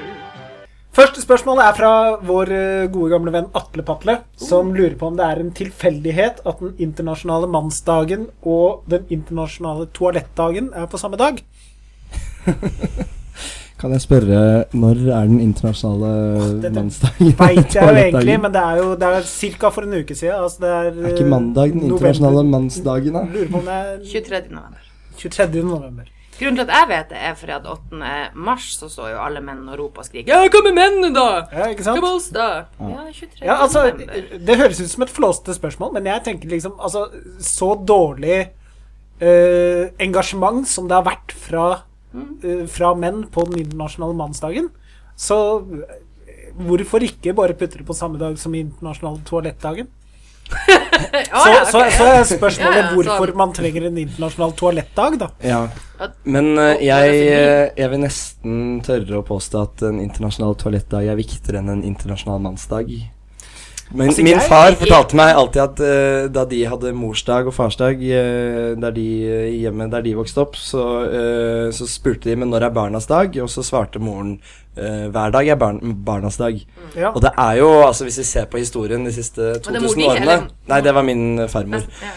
Hvis vi ser på historien de to siste årene, så har det vært litt sånn hver dag er mannsdag, og så har vi én dag i året hvor vi feirer kvinnene. Men jeg er altså, Jeg er ikke helt enig. Jeg er faktisk ikke helt Nei. enig heller. Altså, det det fins helt, det, det fins helt klart mannssaker som er viktige å ta opp. Kjempeviktig. Altså psykisk helse, for eksempel. Ja. Menn er utrolig Stiller kjempedårlig på psykisk helse. Altså, det, det er vanvittig mange selvmord Mm. eh, Mange flere selvmord som begås av menn enn av kvinner. Men må det tas på mannsdag? Kan ikke det være en psykisk helsedag, f.eks.? Ja, men, hvor, øh, men så, ok, det kunne man gjort, men så har du øh, fordeling i øh, Fordeling av barnesaker, altså hvem som får barna. Det er også en mannssak. Og det å ha en egen mannsdag hvor sånt øh, kunne blitt tatt opp, det syns jeg virker som en kjempegod idé, men det er jo ingen som gidder å gjøre en dritt med det. Nei, kan jeg bare få lov å si noe om det? For akkurat- jeg tenker også det at det er Jo, det kunne vært en psykisk helsedag, men det er spesifikt menn. Altså, det er særs flere menn som tar selvmord enn kvinner, og det er altså sånn Cirka at- dobbelt så mange. Ja. Eh, sånn at hvis man Og så kunne man sagt sånn Jo, jo, men kanskje kvinnedagen heller har vært eh, like, like Kunne ikke heller vært en lik lønndag og en eh, bla, bla, bla, bla. Det blir litt sånn, da. Så, jo, men det er spesifikke mannsproblemer. Og det her med fordelings... Eh, nå har vel det blitt litt bedre. Men det er jo Jeg vet ikke, jeg har ikke vært Jo, det har blitt, det har blitt bedre, men det har eh, eh, er allikevel et stort problem. Og da er da tenker jeg, det, Sånn som jeg opplever det, og nå kan jeg jeg kaste ut en, eh, en brannfakkel her, altså, så er det litt det at så, I hvert fall det jeg har lest av menn som er opptatt av det her, da. Menn som er sånn Litt sånn Kjetil Rollnes-menn, Ja. type. eh, for å bruke han som eksempel. Så er det det at de vil at vi feminister skal kjøre saken for dem. Og det er jo det som skjer også. Altså, jeg, var med, jeg var ordstyrer på en debatt om menn og psykisk helse på mannsdagen for to år siden. Ja. Det var jo selvfølgelig arrangert av Fett, Ja. Som er du vet, hva. feministisk Ja, ja, magasin. ja, ja. Så det er liksom litt sånn altså, det er ikke det. Vi feminister er jo opptatt av likestilling og ikke bare kvinners rettigheter. Men det er klart, det blir jo Det er jo absolutt mer fokus på det. Det, det må vi være enige om. Men den derre ja, hva med kan ikke, kan ikke dere gå i tog for det her? Kan ikke dere eh, ha mer fokus på det? Så, Nei, men gjør det sjæl! Ja. For det Ja, gjorde vi. Vi gjorde det sjæl. Vi, vi, vi, mine Mamma Jeg vet ikke om hun brant BH, men hun, har, hun er megafeminist og rød strømpe og har styrt ordna i, i alle år. Uh, og det, det, men gjør det sjøl. Det er vel en myte at noen brant BH-er i det hele tatt. Ja da, det er som gjør det. Jeg merker at dere har mer kunnskap enn meg om Jeg akkurat tror kanskje hun dette prøvde å kvele han pappa med en BH. Det kan godt Ja, hende. det Eh, for å få han til å ta opp vasken, men Altså, eh, jeg er helt ja. enig. Jeg syns det er absurd latskap og dårlig innsatsvilje fra menn at det ikke skjer noe på den internasjonale mannsdagen. For jeg tenker, gå ja, For jeg har faktisk aldri hørt om den, og jeg er mann. Ja. Og på den internasjonale mannsdagen, så bare for å være helt sånn, sånn Bare for å få det inn, så gikk jeg rundt og så gratulerte jeg alle menn på jobb med dagen. Ingen tok det. Ikke én jævla Vi er 50-50 menn og kvinner på jobb, som er ganske kult, da. Ja, det er ganske Ja, det er veldig bevisst for ledelsen. Det er kjempeskilig. Mm. Uh, ingen forsto. Jeg sa gratulerer med dagen, og alle bare sånn Hæ, nei, hæ, jeg har ikke bursdag. Hæ, What? Hæ? Ingen, og så sier jeg den internasjonale mannsdagen, og så sa alle Hæ, er ikke det hver dag? ja, det var det samme svaret jeg fikk av alle. Så jeg bare Men nei. Men kjempe... Altså, men, men. Ha-ha. Men, menn. Ja, nei, Så svaret til Atle Patle er vel rett og slett at eh, inntil menn tar den internasjonale mannsdagen på Tilbake. alvor, så, så, Så kan vi vi like så godt feire den og skjelle toaletter. Ja. Ja, eller men det blir litt sånn. Da går den i dass. Apropos Kanskje det er derfor? For å understreke at så lenge ingen gjør det, så går den i dass. Det kan være. Vi har fått fra Kalinka Irina. Hva tror dere kommer til å skje hvis noen klarer å skape kunstig, kunstig intelligens på nivå med den som mennesker har? Det er jo en god gammel eh, sci-fi eh, Dette har jeg tenkt veldig mye på, Oi, eh, faktisk. Ja. Eh, og jeg tror at hvis mennesker blir så smarte at vi greier å skape kunstig intelligens på nivået vi mennesker har, så er vi også smarte nok til å legge en slags sperre eller blokk i denne kunstige intelligensen som gjør at den kunstige intelligensen aldri blir uh, For det er det som skjer i disse iRobot av Isak Asimov og sånne ting, at de blir klar over seg selv, og dermed innser at herregud, vi kan ta over uh, gamet. Jeg vil tro at mennesker er smarte nok til å legge inn en blokk som gjør at det ikke kan skje. For det er både problemet i iRobot og i Terminator-filmene.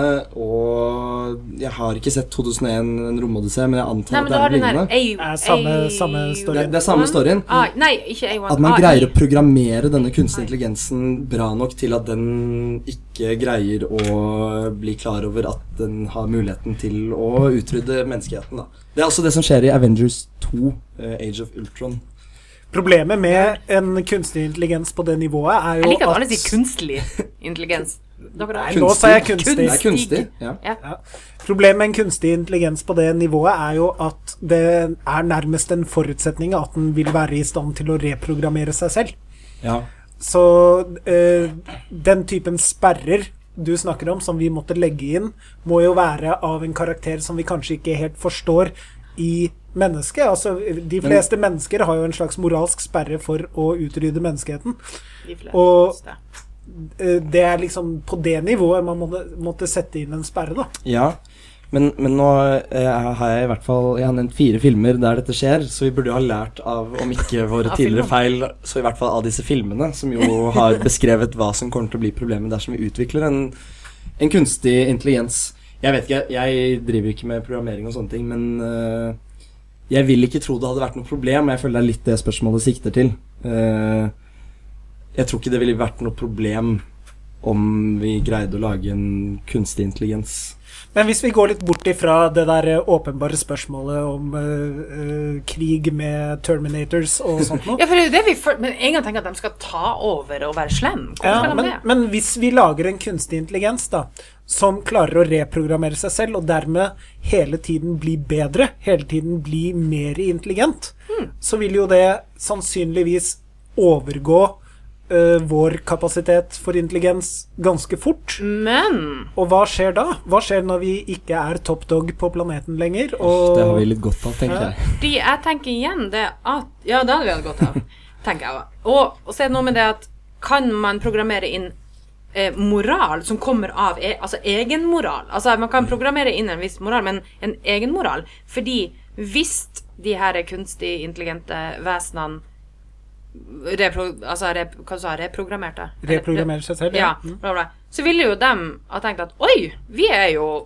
fem milliarder for mange mennesker på jorda ifølge, i, i forhold til ressursene. Ja, men da må vi jo utslette fem milliarder, da. Fordi det er det, det, er det smarteste. Akkurat det som er plottet i Avengers 2 Age of Ultron. ja.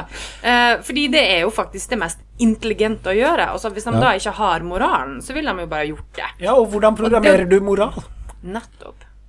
Og hvis det hadde Å, tenk om det hadde gått an.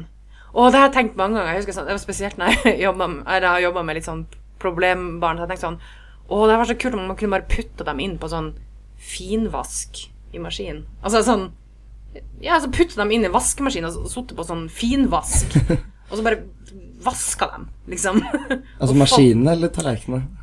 Elevene. Elevene, ja. Ja, ja, Unnskyld, ja. ungdommene, liksom. Tatt litt sånn der Litt sånn råtne ungdom, da. Putta dem inn på sånn Man har jo sånn finvask, silkevask, ullvask, ikke sant? Finvask. Og så kom de ut på andre sida og som bare åh, yes, jeg får vaske bort alt. Ja. Um, men det, ja. Ja, nei, kunstig intelligenser, det er ikke lett, dere. Kunst, kunstnerisk intelligens hadde vært Kunstnerisk intelligens, Det hadde vært spennende har som nemlig inkludert meg selv funnet litt opp, eh, behov for. Det kunne, kunne ja. Vi har fått fra uh, Arvel hvor, Skal vi se Hvordan sier man best ifra om at et venterom ikke er det beste stedet for å ta personlige telefonsamtaler? Her er det jo egentlig snakk om å bare være brå og brutal, tenker jeg. ja, men Er det det beste? Ja, er det egentlig Ja. er det det beste? Det spørs jo på personen. Da. Hvis man, altså Noen er jo sånn at hvis de ser at man sender litt øh, øh, stygge blikk, så skjønner de greia, mens andre gjør jo ikke det. Nei, ta telefonen og kast den i veggen, tenker jeg. ja, ok. Ja.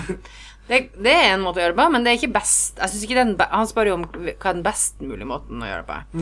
Jeg vil tenke, og kanskje veldig sånn høflig si fra sånn Å, hei, unnskyld, eh, så spennende å høre om Sexlivet ditt. Eh, eller alt som skjer, men, men kunne du kanskje ha dempa deg litt, eller gått på utsida og tatt en eh, Noe sånt. Ville jeg gjort. Jeg ville gått for det. Vi har noe som nesten kan karakteriseres som en oppfølger. Det er også om telefoner. Hva er det greit å snakke om på telefonen mens man reiser kollektivt? Hvor går grensa for hva som er utafor? Ja, det, den For den har jeg måttet kjent på mye. Altså eh, Blant annet da jeg faktisk fikk kreftdiagnosen min. Den fikk jeg jo da en fredag klokka tolv minutter over ti eh, på, på jobb. Og så måtte jeg ta måtte bare hive meg liksom på trikken og ned til legen, da. Og da måtte jeg ringe både min mor og selvfølgelig eh, mine to beste venninner liksom bare sånn for å sånn altså mobilisere. På bussen? På trikken? På Ja, selvfølgelig. Jeg klarte jo ikke å sette på trikken og liksom Jeg var jo helt Jeg, jeg har, Nei, som ja. For meg personlig, jeg har nulltoleranse. Jeg tar ikke Nei, telefonen du hvis den jo ikke på telefonen. Nei, Men jeg gjør det. men altså, Ja. jeg, jeg snakker en sjelden gang i telefonen, men ikke hvis jeg er på kollektivtransport. Nei. Nei, men ikke. kanskje hvis du hadde fått en kreftdiagnose. Kan Ja, det hende. Ja. Uh, og da måtte jeg jo ringe først eh, selvfølgelig mamma, og, og, det var den der, og da satt jeg på butikken, så tenkte jeg Og da ble jeg plutselig sånn ljuger Nei, det- Så sånn Det var kreft. det var det jeg sa, liksom. Da bare, ja, så øh, nå er jeg på vei ned til Line. og så tenkte jeg hva faen gjør jeg nå? Det her er jo ikke greit å sette, liksom. Men så tenkte jeg ja, men gud bedre. Hvis det her er forstyrrende for dere som er i nærheten, så får dere faen meg bare tåle det. Ja, men jeg ble det- litt der, da. Det er helt enig Ja. Jeg, jeg tror Jeg snakker ikke høyt, liksom. Men behovet til den som har noe personlig å si på telefonen, er på en måte målestokken her. Fordi hvis du, du hadde jo åpenbart da et brennende behov for å snakke om dette. ja. Og da må jo alle andre bare finne seg i det. Uh, og samme om de kan bli sure eller brydd eller whatever. Det handler om hva ditt behov er, ikke deres behov. Så jeg syns egentlig grensa går for hva du selv finner deg i at andre tenker om deg, da. Ja, men jeg er helt enig. altså Grunnen til at jeg ikke snakker i telefonen på kollektivtransport, er fordi jeg syns det er dritkleint. Ikke sant? Ja, det har ikke noe med Jeg de det andre var å gjøre. Nei, Det var eh, dritkleint å snakke om det på trikken. Ja, men du måtte jo gjøre det. noe- hadde Du hadde ikke noe valg. Nei, Så, ikke noe valg. så, så Ja. det står på personen Ja. som må snakke om disse personlige tingene. tenker Så jeg. grensa for hva som er utafor, er at hvis det er kreft, så er det greit. Nei. Men samtidig så har jeg også sittet og hørt på folk som med veldig høyt volum. For det har jo noe med det også. Jeg var litt sånn OK, det var kreft, liksom. Altså, jeg, vis, jeg, jeg prøvde jo å snakke så lavt som mulig, prøvde, sånn. men, men det er jo noen som setter sånn herre Ja, og så sa jeg til han det at vet du hva, hvis det er sånn det skal være, så får du bare bla, bla. Sånn, og så setter de liksom og, og, og forteller en eller annen sånn dramatisk eh, eh, historie om der de har satt noen til veggs, og så tenker jeg å herregud, det her vil jo ikke jeg høre om. Eller at de krangler med kjæresten. Ja, men du har aldri stilt opp for meg. Og bla. Altså, det tenker jeg sånn de ting, jeg tenker, ja, ok, Så har den personen behov for å snakke om det akkurat der og da, men det kan vente. Jeg tenker, Det er ikke noe som ikke kan vente før du har gått Altså litt sånn OK. Men det er det du tenker. Vedkommende tenkte Ja, jo åpenbart ikke det. Så for vedkommendes del så har ikke det så mye å si, og du kommer trolig aldri til å konfrontere denne personen med det. Og så er jo da helt kanskje spørsmålet Burde vi tåle mer fra våre Altså, burde vi Det tror jeg nesten vi burde. Ja, burde nordmenn, vi er vel, eh, nordmenn er vel berømt for å ha veldig lav terskel på lav. alle interaksjoner i hverdagen. Ja, ja. Så det kan Husker vel være at vi er litt, uh, litt fintfølende. den art, altså Noe av det artigste satiren jeg, altså, av alle jeg har vært med på på, på, på internettet, som 5080 har laga det, 5080.no, er jo den som går på at nordmenn snakker for lavt i telefonen. Den er helt fantastisk. Da har de sånn tatt en undersøkelse og funnet ut Altså utlendinger syns at nordmenn snakker for lavt i telefonen. uh, og bare, bare sånn Vi må snakke høyere. Og da er det liksom én sånn Jeg vet ikke om han er pakistaner sånn, som går rundt og bare Den jeg sett. Ja, den Ja, er, den er veldig morsom. Bra. Den Den er kan vi linke til på, så, uh, på um, Den er helt fantastisk, for den er bare sånn tar det sånn på spissen, liksom, sånn at han bare alle, Han sier Men han kommenterer folk som går forbi på gata. ja, ja, og han sier sånn ja. Alle som hvisker telefonen, har noe å skjule. Da er du enten Ja. kriminell eller homofil. og, så, og så demonstrerer han også. Så han, de står på Grønland, så demonstrerer han bare Ja, de som snakker sånn her i telefonen. Og så ser du en fyr på andre siden og bare Oi! Snakker du bare? Nei, nei! Jeg bare demonstrerer! Nei, nei! Jeg skal bare vise hvordan man ikke skal gjøre det. Så, så vi er jo kjent for å være ja, veldig Altså, vi tåler jo ikke andre sitt privatliv innen på oss, da. Men eh, hva er svaret vårt? Er svaret uh, Kanskje vi må tåle mer? Ja, kanskje. Arvel, du må tåle mer. Jeg svarer at grensa går der den personen som snakker i telefonen, føler at den går, egentlig. Ja. Det vi vet, er jo at han som spør, er bussjåfør. Jeg, er jeg klart vil gjerne avskaffe alle telefoner og Ja. Martin snakker ikke i telefon. Nei, Han sender meldinger. Ja. Det er det den skal brukes til. Yes. Det praktisk, det. Jeg Siste jeg vil gjøre med telefonen min, er å snakke i den. Ja. Så Siri og disse greiene her er helt ubrukelige for meg. Det er sånn der, Hvorfor skulle jeg snakke til telefonen min? Det er jo galskap. Hva er Siri? Hva er Siri? Vet du ikke hva Siri er? Nei, men jeg ser at det står der! Siri. Jeg bare, Hvem er hun Siri? Det er sånn at du kan snakke til telefonen din og be den om å sette på en ny sang, eller uh, ringe til mamma, eller uh, Men det funker ja. ikke med dialekt. Husker du, husker du da eh, Sony Eriksson W-serien kom, så var det en funksjon hvor du kunne si 'ring mamma', f.eks. Og så måtte du prøve Du måtte si det sju ganger på rad, og til slutt så ringte den kanskje da mamma. Siri er en veldig bra utviklet versjon av dette. Hvor jeg Ja. kan for eksempel, Hvis jeg sykler, da bruker jeg Siri. For da har jeg på meg headset, og så Siri. holder jeg inne en knapp som gjør at Siri åpner seg. Så sier jeg eh, på engelsk eh, Siri, sett på eh, den og den sangen. Og så gjør Siri det for meg. Oh og det God, er jo egentlig fremtiden i våre hender, men Altså, Det var skikkelig ekkelt. Men, men jeg husker når, når det aller først kom, da hadde- jeg enda bare fasttelefon. ja. Eh, Så, så gammel er jo jeg. Jeg hadde ikke mobil. Og da Jeg husker fasttelefonen, ja, ja. Altså. Men da kom det når man skulle ringe Nei, når man skulle ringe For da ringte man jo og bestilte flybilletter. Så plutselig så, så ordna SAS, for det var jo eneste som fantes da. Eh, sånn at når du ringte, så var det bare Det var det eneste alternativet du hadde, var å snakke. Um, og da jeg da hver eneste jævla gang skulle si sånn bare sånn Hvor vil du reise fra? Så sa jeg Tromsø. Fra Toronto til Nei, Tromsø! Beklager, nå forsto jeg ikke hva du sa. Hvor vil du Tromsø. Toronto. Nei, ikke Toronto! Jeg sa Tromsø, bare Beklager, kan du si det? Og så, sånn satt vi da, liksom. Så det var Toronto. Det finnes for øvrig veldig mye bra satire på sånne ting også. Liksom. Sikkert. Men det var helt jævlig. Ok, siste spørsmål. Nå må jeg simultanoversette fra nynorsk, for det er fra Tanketom. Nydelig. Om du bare skulle leve på én type frukt slash grønnsak slash nøtt slash rot slash ting som gror resten av livet, hva hadde det vært? Du kan tilberede den med hva du vil, men bare smaksette med salt og eller pepper. Brokkoli.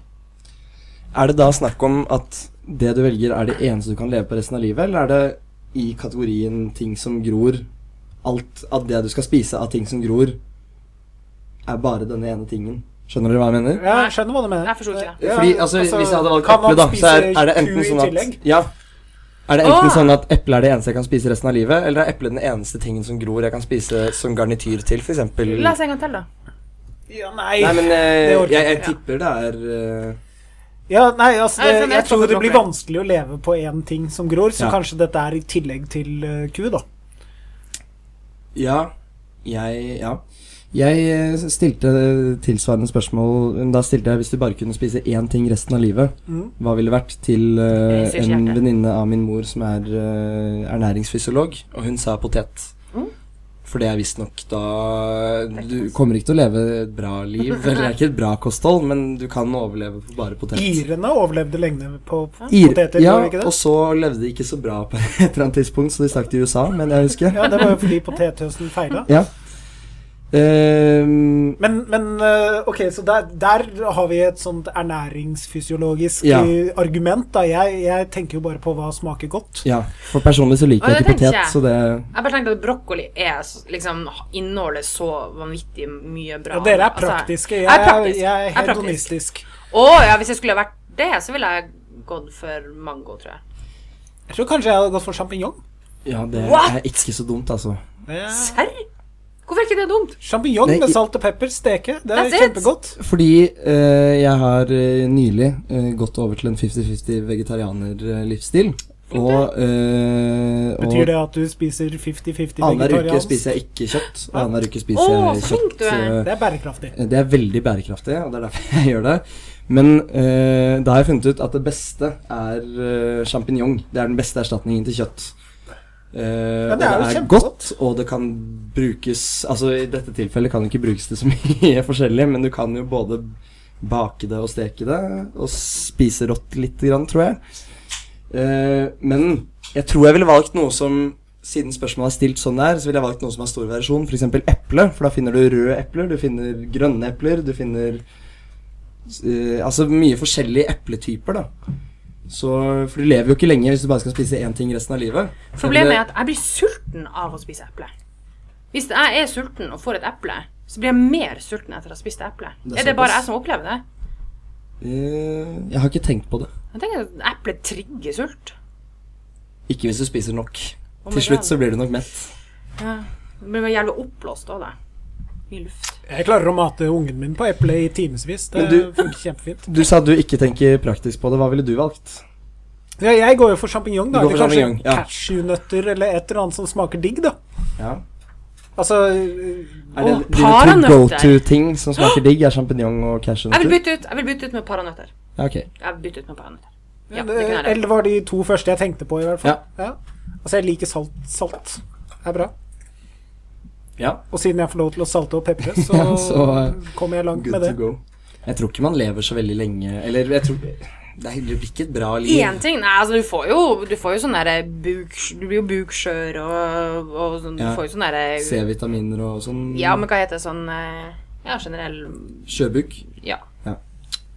Det, det gjør man jo. Jeg vet, jeg vet faktisk om en har en venninne som, som studerte med en fyr som kun spiste Grandiosa. Altså, det, altså that's it. Bare det. Man får i seg kjøtt, ost, brød og han, paprika. han, Det ble, er jo han, fikk, han ble bukskjør. Oh, ja. Han fikk diagnosen i Norge, liksom. Eh, og bare fikk sånn Det her går skikkelig dårlig. Ja, du må spise mer variert, liksom. Det går ikke. Men det er litt, eh, litt gøy, fordi selvfølgelig hvis jeg sier jeg spiser bare Grandiosa, så tenker alle ja, det er helt jævlig for deg. Eh, uten å nødvendigvis at folk vet hvorfor det er så ille å bare spise Grandiosa. Men det er jo det han Morgan Spurlock, uh, Super Size Me, Ja. viste jo da faktisk de medisinske symptomene som er av å bare spise én ting. Ja. Og det er helt jævlig. Ja, ja. det, Vi må ha variert. vi må ha variert kosthold. Lite eh, tips på slutten der. Eh, da er det på tide at vi runder av, og da blir det ha det bra fra meg og Henrik, som er Magnus vikar, og Kjerstin. Og yes.